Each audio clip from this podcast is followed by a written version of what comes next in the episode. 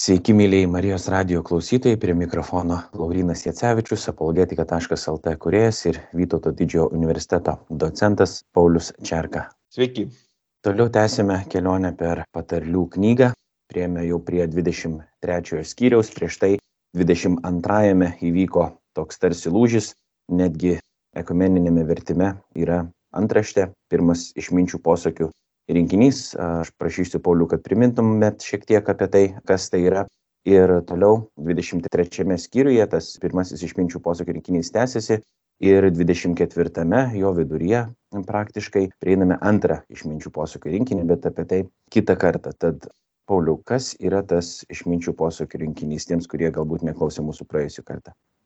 Taip, na, biblistai sutarė, kad šis rinkinys greičiausiai susideda iš 30 patarimų, posakių ir jo idėjos struktūra yra labai panaši į egiptietišką išminčių posakių rinkinį, kurį na, archeologai yra įvardinę kaip amenė mopės pamokymai sūnui.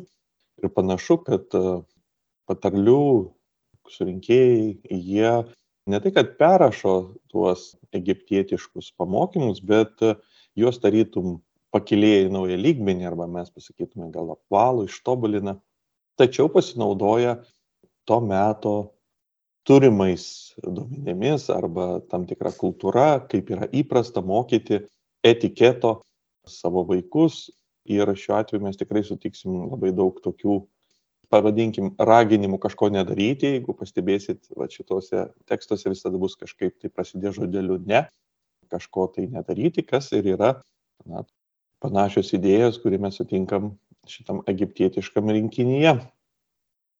Perskaitykim tada pirmas 6.23 skyriaus eilutes ir pabandysim jas aptarti. Kaip visada, sieksim užbaigti visą pilną šį skyrių ir po to kitam kartui jau palikti 24. Tad pradedam skaityti nuo 23 skyriaus pirmos eilutės. Kai atsisėdi pietauti su valdovu, rūpestingai stebėk, kas prieš tave. Jeigu esi besotis, dėk peilis nuo prie gerklės. Netrokš valdovo skanėstų, nes tai apgaulingas maistas. Nenuvargink savęs norėdamas pralopti, turėk sveikos nuovokos liautis. O spėjai užmesti akį į turtus jų nebėra. Umai jie bus įgavęs sparnus ir tarsi erelis nuskridai panangės. Nevalgyk šištolio maisto, netrokšk jo skanėstų. Kodėl aš norėjau pirmas šešias perskaityti, nes dažnai pastebima yra patarlėse, taip pat ir kitur, poetiniai literatūrai, Biblijoje, kad yra taikoma tokia technika vadinama įrėminimu lietuviškai. Ir čia turime tokias eilutes, kad nereikia trokšti valdovo skanėstų trečioji ir po to, kad šeštoje netrokšti šikštuolio maisto ir netrokšti jo skanėstų. Tad ką tai galėtų reikšti, nes viena vertus mums yra sakoma ir valdovo skanėstų, kad mums nereikėtų norėti ir tai yra apgaulingas maistas, o po to nevalgyti šikštuolio maisto ir netrokšti jo skanėstų, bet jau neparašyta, ar čia apgaulinga ar ne dar turbūt reikėtų dvi eilutes prijungti. Čia šikštuolio istorijoje jos dar dera. Septinta ir aštunta. Jis kaip laukas gerklėje, valgyk ir gerk, sako tau, nors jo širdis nėra su tavim, suvalgyta kasnį tu išvems ir veltui burna užšinsi mandagiai žodžiais. Iš ties šitoj dalyje mes turim tarytum tokias tris dalis. Pirmoji daly mes turim svečią, kuris nelabai valdosi, pakviestas į rūmus, reiškia problema yra su tokiu nesivaldančiu svečiu. Viduriniai daly mes turime raginimą nesivaikyti turtų, e, nes jie tarytum bus paukštis. O trečioji daly atvirkščiai vėl mes grįžtam prie, pavadinkime, tam tikro etiketo prie stalo, bet šį kartą problema yra jau su šeimininku, kuris yra šikštuolis. Va. Ir sakykime, nuo pirmos dalies apie tą peilį prie gerklės. Mums, aišku, susidaro, sakykime, peilis prie gerklės, na, toks tarytum grėsmė gyvybei, bet čia yra tam tikras žaidimas, jog peilis yra naudojamas rytuose prie stalo ir tada tu tą peilį ėmi ne maistui gaminti, o į jį tarytum maistą paėmė. Tai yra ne, ne prie gerklės, o į gerklę, pažodžiui, būtų įsidėk peilį. Ir šiuo atveju, nu, toks žaismingas vaizdinys, kaip susivaldyti nuo tuo besaikio valgymo. Ir e, idėja yra ta, kad žmogus, kuris nesuvokia koks svarbus momentas, jeigu jį pakviečia į rūmus, o jis susikoncentruoja į vaišės. Sakykime, tokiu atveju jisai pragano svarbiausius dalykus. Tai yra bendravimas, pagarba, buvimas kartu su tuo valdovu, o ne domėjimasis tik tai vaišėmis. Ir šiuo atveju, na, turbūt alegorija yra į žmogaus gyvenimą, jog jeigu mes puolame žiūrėti į daiktus, mes nesuprantame, kad e, esmė yra santykis su Dievu, o ne su vaišėmis, kuriomis mus vaišina. Ir jeigu žmogus nukrypsta į kūrinius, o ne į kurėją, na, tokia atveju pasielgia tarytum kaip tas, kuris ateina susitikti su valdovu, bet nevertina valdovo, o vertina tik tai maistą. Apsiryja. Tai toks tam tikras vaizdinys iš rūmų etiketo, bet pamokant apie žmogaus gyvenimą plačiaja prasme. Ir tai susišauktų ir antroji dalis apie mus bežiūrint į turtus, kurie yra apgaulingi.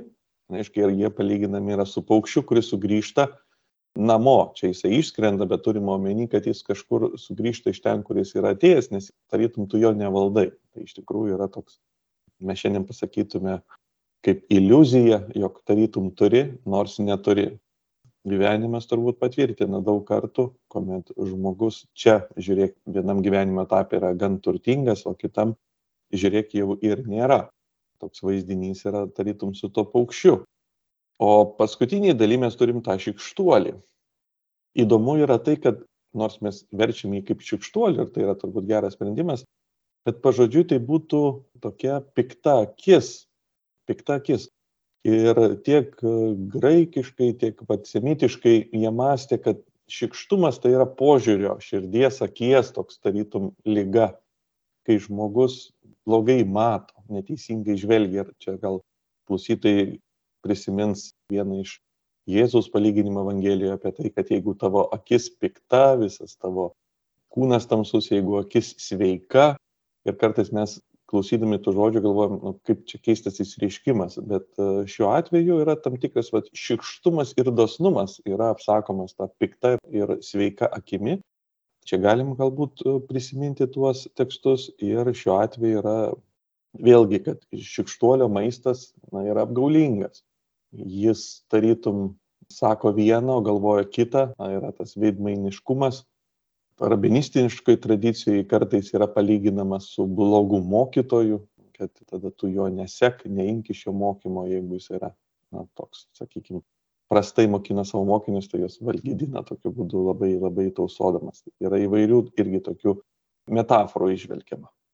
Du dalykus prisiminiau, kol kalbėjote apie palyginimus, tai vienas iš jų irgi apie akį iš Naujojo testamento jeigu akis ragina tave nusidėti, tai išsilupk ją ir tada jau šitam kontekste reiktų suprasti, kad nelupti tą fizinę akį reikia lauk, bet ištraukti tą šaknį, kuri ragina neteisingai matyti pasaulį ar kažkaip taip.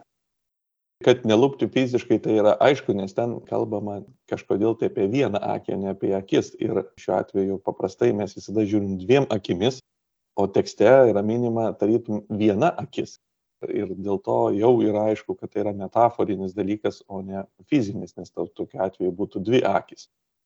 Taip, mūsų akis yra kalbama apie tą tam tikrą požiūrį, apie mūsų matymą, apie tai, ką mes matom ir kaip mes matom.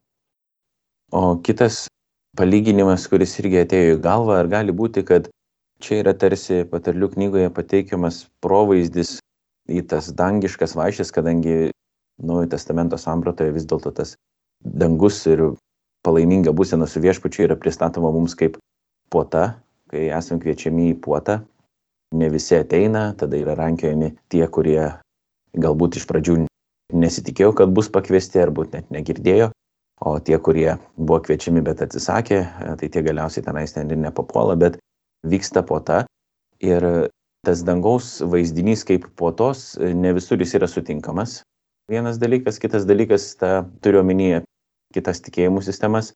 Ir ne visur, ne visose kitose tikėjimų sistemose yra svarbiausias dalykas tos palaimingos vizijos, tai to palaimingo buvimo, tai yra buvimas su pačiu Dievu, gaunant Dievą kaip dovana, o ne kažkokią tiesiog būseną kaip dovana, arba ne kažkokius daiktus, kad ir metaforiškai kalbant, ar ne. Tai ar gali būti taip, kad čia yra tarsi nuoroda į tokią tą avinėlio puotą, vadinamai, kurią esame kviečiami, bet svarbiausias yra tas pats puotos rengėjas, o ne vaišės. Ir jeigu mes laukiam tų tik tai vaišių ir tik dėl to norime tą puotą papulti, o ne su šeimininku būti, tai čia jau yra problema. Pritarčiau, Laurinai tau ir Augustinas panašiai mąstė, kalbėdamas na, apie šitą ir kitas vietas, palygindamas Dievo karalystę taip su puota ir akcentuodamas būtent asmenį, o ne vaišės. Tai šiuo atveju toks tarytum labai gražus metaforinis nuoroda į rūmų etiketą, kas dera susitikime su aukštų pareigūnų arba pačiu karaliumi. Panašu, kad tam tikros idėjos susišaukia ir kaip kiekvienas žmogus yra kviečiamas į dangaus karalystę. Tęsim skaitimą nuo devintos eilutės. Nekalbėk su buko pročiu, nes jis iš tavo protingų žodžių tik pasityčios. Neperkelk ežę ženklinančio seno akmens ir nė nesikesink į našlaičių laukus, nes jų atpirkės galingas, jis apgins jų bylą prieš tave. Galim čia, manau, ir sustoti. Tai yra devinta eilutė kalba apie tokį, atrodytų labai praktinį patarimą, kuris galbūt yra ir aktualus mums socialinių medijų laikais, kai tenka daug diskutuoti internete daugeliu žmonių. Ir ar čia ir tai yra iš tikrųjų toks praktinis patarimas, kad su kvailiu nereikia ginčytis, nes iš tavęs tik tais pasityčios, ar čia yra kažkas giliau, tai čia pirma klausimo pusė. O antra klausimo pusė, kaip suprasti, kad tu pats nesi tas bukaprotis, nes mes visi tie, kurie skaito, visi stato save į to išminčiaus poziciją ir su kuriuo kalba, tai tas kitas jau yra bukaprotis, jeigu jis tavęs nesupranta. Ir kaip atskirti tada galbūt aš kažko esu nesuprantantis ir turėčiau pripažinti, kad vis dėlto aš esu čia kvailys šitoje situacijoje? Geras klausimas. Iš tikrųjų yra, aš manau, kad na, kiekviena patarlė jinai yra paremta tam tikrą paprastą gyvenimišką logiką, o vėliau ją bandoma paaiškinti mums kažkokius gilesnius principus. Tai iš ties mes visi esam patyrę beprasmiškumą tam tikrų ginčių. Patys ginčiai nėra blogas dalykas, nes jų dėka jeigu iš tikrųjų yra laikomasi tam tikrų principų ir žmonės tikrai nori pagilinti savo supratimą ir vieną ar kitą pusę, manau, tai yra gan naudingos būna diskusijos, bet jeigu yra susidurima su tokiu, kuris nenori girdėti, tai turbūt tas beprasmiškas kalbėjimas. Ir čia Evangelijoje turbūt suskamba žodžiai, kai Jėzus sako, palikite juos. Jie yra klieklų vadovai, jis kalbėjo apie savo mokiniams nustoti ginčyti su fariziejais. Tai čia kažkas panašaus yra jų patarlėse mes girdime apie na, tokį paraginimą neįtikinėti to, kuris nenori išgirsti, na, tai panašu, vat, kai buvo pritaikyta, tas kvailumas buvo pritaikytas e, fariziejams, nors jie tikrai nebuvo intelektiškai kvaili arba kažkokia kita prasme mes pasakytume kvaili, bet e, Jėzaus akise, Dievo perspektyvoje, kai kada jų pasirinkimai atrodė kvailoki. Toks, jinai e, dieviškų požiūrių, bet nežmogiškų. Tai aš sakyčiau turbūt tas na, susišaukimas yra, o galima jį pritaikyti ir iš tikrųjų labai paprastose situacijose, kaip tu pats sakai, kai kada komentaruose, forumuose, kuomet na, matosi iš ankstinė nuostata ir nenorėjimas nieko išgirsti, tik pasakyti, tai, na, turbūt tas vėlimasis į tas diskusijas labai retai kada būna vaisingas. Apie tą ežį ženklinant akmenį jau kalbėjom šiek tiek praėjusį kartą ir minėjot, kad tie akmenys buvo tie, kurie ženklindavo sklypo ribas, nebūdavo kažkokių sistemų, kur viskas suvesta ir subraižyta ir žmonės, kai kurie norėdami pasididinti savo lauką, nemačiomis perkeldavo tą akmenį šiek tiek į, į šoną. Tad apie tai gal nebūtina iš naujo kalbėti, bet čia antra pusė šitos eilutės vis dėlto atrodo įdomi, kad raginama yra nesikesinti į našlaičių laukus, nes jų atpirkėjas galingas. Ir klausimas yra, kas yra tada to našlaičio atpirkėjas. Atrodo, jeigu jis neturi tėvų, Tai ar tai giminės yra, ar tai kas yra tada, kas yra tie, kurie galėtų jį atpirkti ir ką reiškia atpirkėjas šitam kontekste. Taip, iš tikrųjų tai tokia teisinė savoka ir mes mūsų dabartiniai kultūrai tokio statuso neturim, bet klausytėms galima būtų priminti istoriją, Rūtos istoriją, taip, kuomet ji prisijungė prie savo Anytos ir jie sugrįžta į Izraelį ir yra klausimas, ar galima kažkaip tai atstatyti jos vyro, kuris yra miręs nusavybę, nes jau jos nebėra, jinai yra perduota už skolas, tačiau buvo tokia galimybė, kad būtent artimiausias giminaitis gali atpirkti prarastus turtus ir jis vadinosi tuo atpirkėju. būtent toks jo statusas, kad kaip šeimos artimas narys jisai atstato, išperka, gražina atgal į tai, kas turėta. Tai šiuo atveju, jei pasiseka, jinai randa tą giminaitį, nors iš pradžių, nors buvo tokios taisyklės, bet toli gražu ne kiekvienas norėdavo atiduoti savo pinigus tam, kad savo giminaitį atstatyti. Ir rūta vis tik atperka, bet ne artimiausias, o tik šiek tiek tolimesnis giminaitis ir vėliau mes žinom, kad iš to šeimos kilo karalius Dovydas. Tai tas vat, atpirkėjas šiuo atveju, nors mūsų ausisiai skamba labiau kaip žodis, kurį mes taikome religiniam kontekste, bet čia jis yra vat, tas teisinė savoka atpirkėjas, tas, kuris atstato turėtus dalykus ir tarytum tas našlaitis, kuris akivaizdu jis nebeturi jau tėvų ir greičiausiai nebėra realiai fizinio to atpirkėjo, to giminaičio, kuris galėtų ateiti ir jo pasirūpinti, dėl to jis ir vadinamas našlaičiu ir čia toks paradoksas. Jis juk neturi to atpirkėjo. O patarlė sako, bet yra atpirkėjas ir čia jis bus pats Dievas, kuris pasirūpins, na, juo, taip kaip turėtų pasirūpinti jo tas artimas giminaitis. Tai šį patarlę turi tokią idėją, kad viena vertus našlaitis yra kaip tik tas, kuriam ir nėra tų giminaičių. Kita vertus, tokioj padėty na yra apvaizdos globa visiškai kitokia žmogui kuris neturi natūralių pagalbos būdų tarytum man gamtinė pagalba atsiveria visai kitu mastu ar kalbant apie Jėzų, kadangi jam taikomas irgi tas titulas atpirkėjas, išpirkėjas, kiti verčia, ar tada irgi ta teisinė sistema, šitas kontekstas turėtų mums kažkaip padėti irgi geriau suprasti, ką jis daro? Sakykim jis atperka mus iš mirties nagų reiškia atstato mum tai ką mes turėjom tą dievo artumą pirminį kurį patyrė adomas su ieva čia reikėtų kažkaip taip mąstyti. Jo idėja yra ta pati. Plačiaja prasme visa žmonija. Jisai atperka ir jai sugrąžina tai ką jinai prarado ir tam pradžios pasakojime žmogus yra ištremiamas ir jis praranda sakykime savo tą sodo galimybę gyventi kartu su karaliumi, tą artumą ir tas atpirkėjas yra tas, kuris atstato prarastą. Tai yra būtų taip. Bandom tada skaityti nuo 12 toliau. Čia tarsi ir įvyksta lūžis, kai vėl yra kviečiama palengti savo širdį pamokymui, o ausį išmintingiams posakiams. Ir tada jau nuo 13 tam tikri patarimai. Nedvėjok bausti vaiko, nes nuo plakimo rykštė jis nemirs iš tikrųjų turi plakti į rykštę, kad išgelbėtum jo gyvasti nuo šeolo. Kažkiek jau kalbėjom vėl apie tą. Tai trumpai tiesiog aptarkim, gal priminkim, pristokim, kas čia yra norima kalbėti, ar patarlių knyga skatina smurtą. Ne, ji neskatina smurto, nereikėtų iš principo patarlę suprasti kaip e, pažodinio, sakykime, kažkokios tai instrukcijos, tai yra žaismingi posakiai, kurie suskamba kažkokie paradoksai, kažkokios įtampos. Ir šiuo atveju tai yra tik tiek iš tikrųjų už to stovi raginimas disciplinuoti savo vaikus. Ir suprantama, kad tos formos kultūrinė prasme kinta, bet idėja yra labai svarbi, tai yra disciplina. Ir taip kaip Dievas irgi auklė mus, disciplinuoja, tai tėvam ir mokytojam irgi būtina tam tikra disciplina, atitinkamai mokiniams ar vaikams čia nėra kvietimo daryti pažodžiui tai, ką mes čia perskaitome.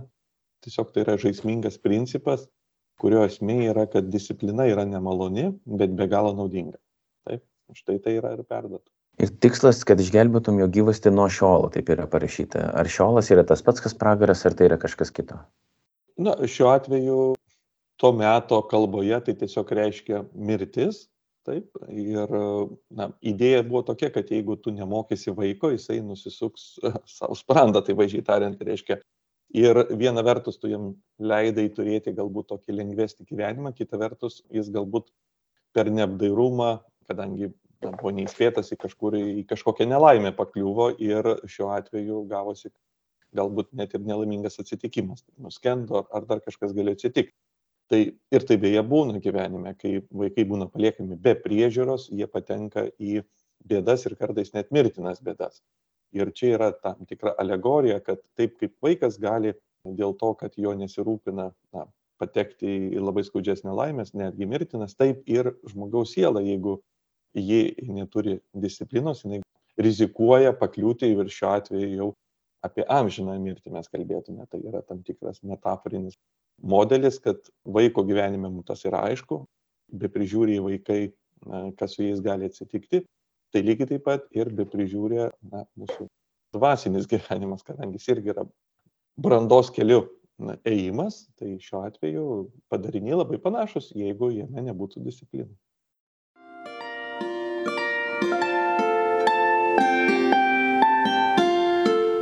Jūs girdite Marijos radiją.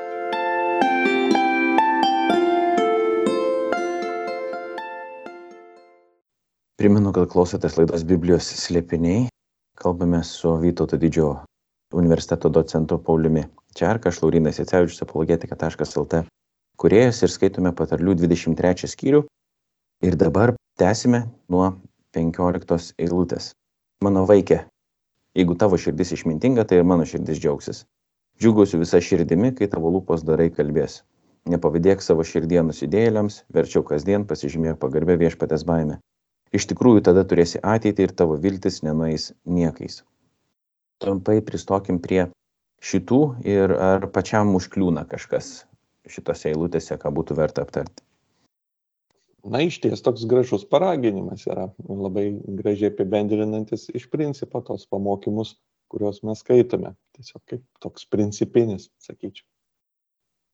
Tęsim nuo 19. Tad klausykis mano vaikė, būk išmintingas ir vesk savo širdį tikrų kelių. Nesusidėk su tais, kurie godžiai geria vyną, ne su tais, kurie persivalgo mėsos jų girtuoklis ir jūnas taps skurdžiais, o dikodoniavimas aprengia žmogus karmalais. Klausyk tėvo, iš kurio gimiai, ir neniekink motinos, kai jį pasens. Įsigyk tiesos ir neparduok jos, pirkis išminties, pamokymo ir supratimo. Pradėkim dabar nuo paskutinės eilutės. Ne pirmą kartą pasikartoja šitas motyvas, kad reikia įsigyti išminties. Ir po to, čia dar buvo minima irgi pagarbi viešpatės baime, Ir kitoje vietoje yra rašoma, kad pagarbi viešpatės baimė yra išminties pradžia. Dar kiti prideda ir pabaiga ir visa, visa kas tai apima. Bet kaip reikėtų įsigyti tiesos ir įsigyti išminties? Ar čia yra tiesiog kažkas pasiklydę vertime, kodėl neįgyk, neįgauk, o įsigyk, kaip ją nusipirkti reikėtų? Taip, mano galva tai yra tikrai labai gražus paraginimas, kuris sako, kad pirk, bet neparduok. Čia skamba taip pirk, bet niekada neparduok. Ką reiškia pirkti ir ką reiškia parduoti? Iš esmės tai yra keisti kažką į pinigus. Pirkti reiškia, jog aš prarandu pinigus, bet gaunu daiktą, parduoti aš prarandu tą objektą, mainais gaunu turtą, pinigus, ekonominį vertybę. Tai šiuo atveju su tiesa yra taip, kad niekada neverta prarasti tiesos vardant pinigų ir atvirkščiai geriau netekti pinigų, bet išsaugoti tiesą. Ir štai tada mums tos eilutės skamba daug aiškiau, kad ji neverta keisti į pinigus. Šiuo atveju, jeigu jos praradimą kalbant, bet atvirkščiai labai verta. Verta netekti pinigų, kad ją įgyti. Tai yra netekti savo laiko, netekti pastangų, siekiant mokymosi tam tikro. Čia apsimoka investuoti pinigus. O atvirkščiai daryti kompromisus su sąžinė, tai yra su tiesa, neapsimoka tam, kad praturtėtum. Taigi na, idėja yra tokia, kad pirkti gerai, parduoti blogai. 19 eilutė yra kreipiamasi mano vaikė ir raginama būti išmintingu, po to 23 pirkti išminties ir tiesos, o tarp jų yra paraginimas nesusidėti su gerėjais ir rijūnais. Perkeliant dabar į šio laikinį kontekstą.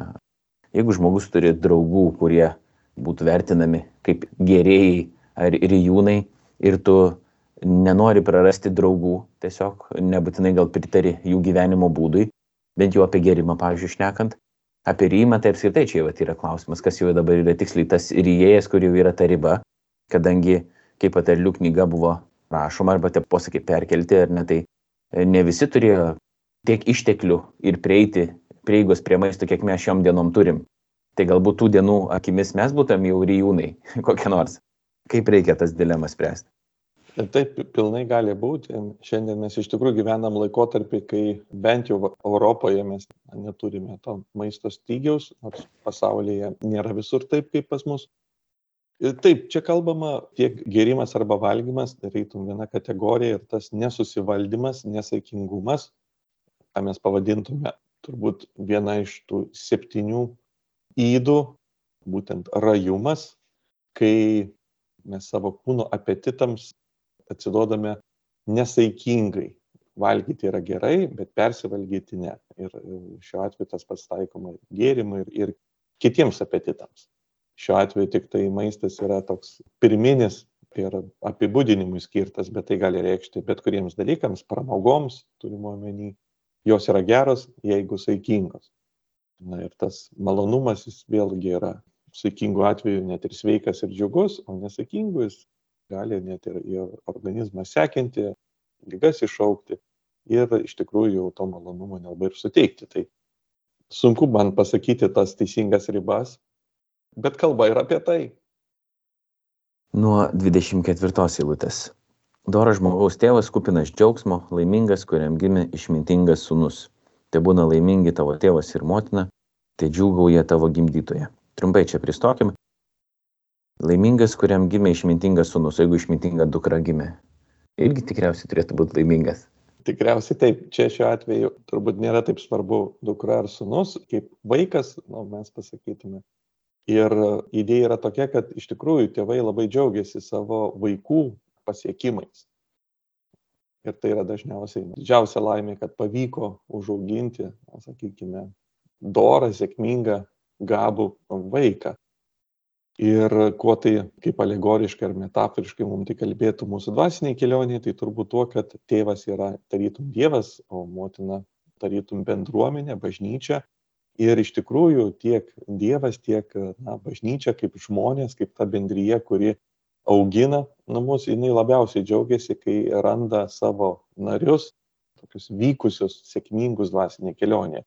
Nieko nėra labiau džiuginančio kaip būtent tie vaikų, pavadinkim, dvasiniai pasiekimai.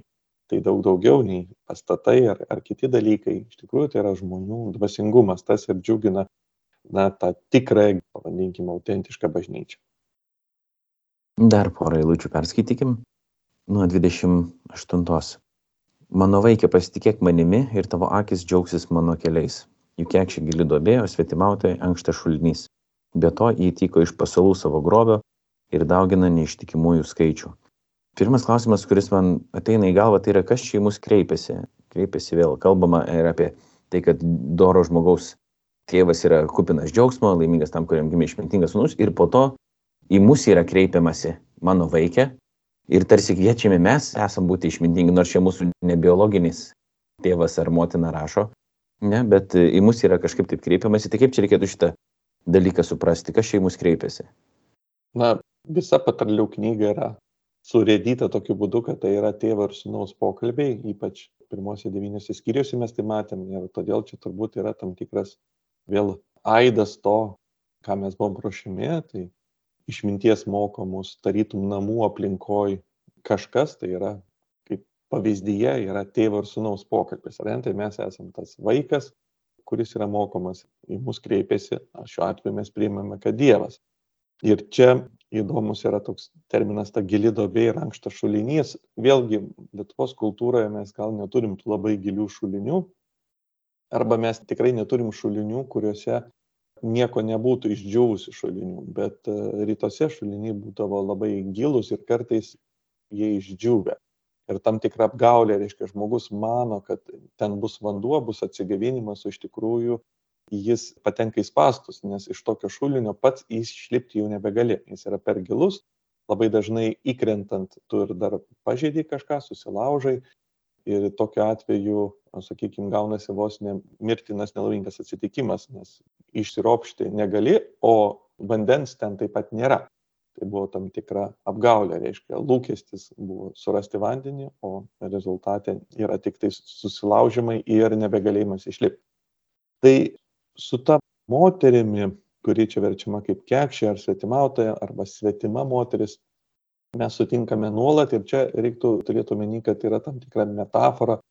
Rabinai matydavo tai kaip stabmeldystės simbolį, jeigu išmintis irgi buvo palyginama moteriai, tas dievo baimingumas tarytum buvo irgi santykio su ta kilminga moterim kūrimas, tai čia yra atvirkščias dalykas, tai yra ta svetimautoja, kuri vilioja ir šiuo atveju jos yra palyginimas tarytum įkirtimas į šulinį, manant, kad ten yra vanduo, iš tikrųjų e, nieko nėra. Tai toks sėkimas stabmeldiškumu yra palyginamas su tokiu, na, sakykime, įkritimu iš šulinių arba apsigavimu santykiais su prostitutė.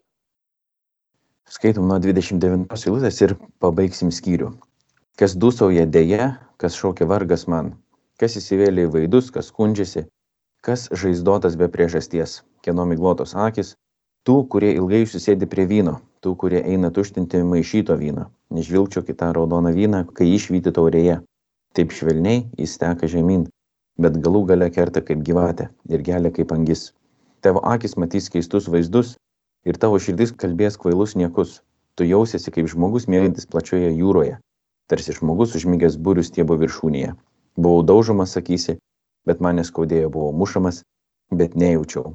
Kai tik pabusiu, vėl vyno prašysiu.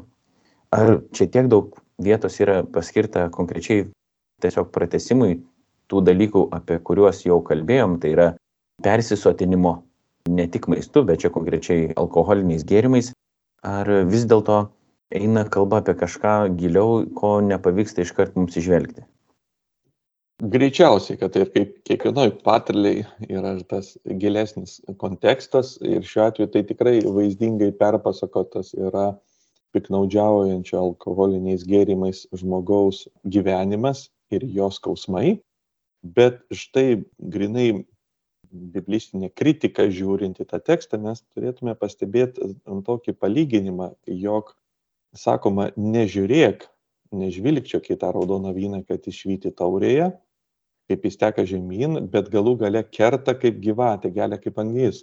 Ir čia reikėtų prisiminti pradžios knygos patį pradinį pasakojimą apie gundimą gyvatės ir apie medį, kuris atrodė labai gražus. Ar ne? Du dalykai yra tikrai perimti iš ten. Tai yra kažkas, kas labai gražiai atrodo, bet vėliau tarytum gaunasi apgaulė, gavosi viskas ne taip, kaip matėsi baigėsi viskas įgėlimu. Reiškia, gyvatė kalbėjo labai gražiai, įtikinamai, medis atrodė, vaisius atrodė labai gražus, tačiau nesigavo taip, kaip atrodė.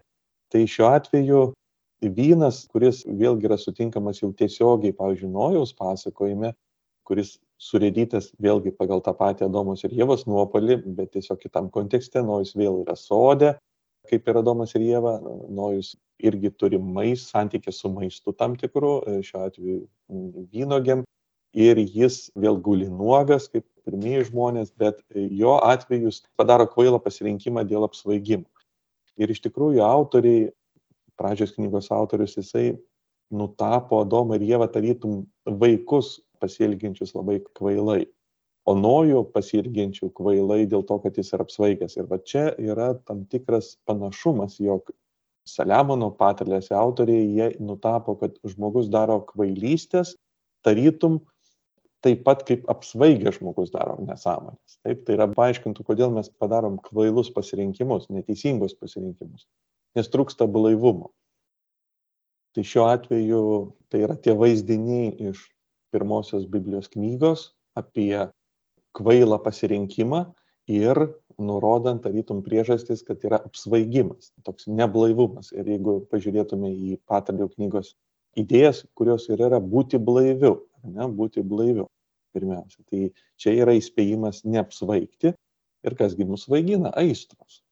Aistros būtent ir yra tai, kas mus kaip tas vynas gali apsvaiginti ir tose aistrose, apetituose kūno mes, reiškia, nebegalim blaiviai mąstyti pavadinkime triukšmas šiais laikais pasakytume tas vidinis triukšmas aistrų ir išorinis triukšmas pasiūlymų jis mus blaško ir mes darome kvailus pasirinkimus toks būtų tas vaizdinys Mes žinom tokią krikščionišką doktriną prigimtinės nuodėmės, bent jau daugumai krikščioniškų konfesijų jinai yra priimama. Kitas dalykas yra vergavimo nuodėmiai samprata, kuri yra ypatingai ryški protestantiškoje mintyje. Tai yra tarsi tokia mirtis, dvasinė mirtis, nesugebėjimas savęs niekaip prikelti dėl to, kaip nuodėmė stipriai yra mus pažeidusi. Ir kai kurie mąstytojai, svarstydami apie nuodėmę, nuodėmės reikšmę ir nuodėmės pasiekmes mūsų mąstymui apskritai, pradeda abejoti, ar žmogus kaip toks gali atlikti tuos blaivius sprendimus, blaiviai iš vis svarstyti. Tai jeigu žmogus yra paveiktas nuodėmės ir po to laiškose yra rašoma, kad vis dėlto mes esame nuodėmės vergai, akivaizdu, kad ir mūsų protas yra paveiktas kažkaip tos nuodėmės ir jos šaknų, tai koks čia yra ginklas, neužtenka dabar atrodytų žmogui pasakyti, mąstyk blaiviai dabar. Pavyzdžiui, negerk, galvok iš tikrųjų apie Dievą, svarstyk apie svarbiausius dalykus, apie išmintingus dalykus ir tada žmogus sakys, o, taip teisingai, juk taip ir yra iš tiesų. Ir dabar aš bandysiu savo aistras kažkaip suvaldyti ir blaiviai galvosiu ir patirsiu tada daug džiaugsmo ir laimės ir visų kitų dalykų. Tai kaip čia tvarkytis su to nuodėmės poveikiu? Geras klausimas, Laurinai. Iš tikrųjų, žmogus, na, nėra pats tapęs nuodėmė, čia reikėtų atskirti, nuodėmė yra jo prigimti pažeidus, bet nesunaikinus. Žmogus išliko žmogumi, tai yra jis netapo kažkuo blogu savaime, taip, tiesiog galima jį laikyti kaip oboliu, kuris yra pažeistas, bet vis, vis tik tai nereiškia, kad jis dabar tapo pačiu to užkrato. Tokiu atveju jis vis dar gali būti išgydytas nuo to užkrato, jis nėra sunaikintas. Ar jis gali pats save pagydyti? Aišku, kad ne. Tam reikalingas gydytojas ir šiuo atveju krikščionis tiki ir kviečia žmogų išgirsti Evangeliją, susitikti su Kristumi, kuris ir būtų tos prigimties gydytojas ir blaivintos, mes nu, pagal šitą mūsų tekstą pavadintume taip, kuris ir gali iš tikrųjų padėti išblaivėti. Pats, labai taikliai pastebėjai, pats viens izoliuotai nuo Evangelijos žinios, taip žmogus nebegali savęs pagydyti, jis yra tokioje būsenoje, kur na, jis pats savo padėti nepajėgus, bet ar jis gali būti išgydytas, pavadinkime taip, pritaikius teisingus vaistus, atsakymas taip, tai gali būti išgydyta, prigimtis nėra sunaikinta, jinai yra pažeista. Klausėtės laidos Biblijos slėpiniai. Prie mikrofonų buvome mes dviese, Vytauto didžiojo universiteto docentas Paulius Čarka ir aš apologetika.lt projekto skirto intelektualiam krikščionybės pagrindimui kuriejas Laurinas Jacevičius.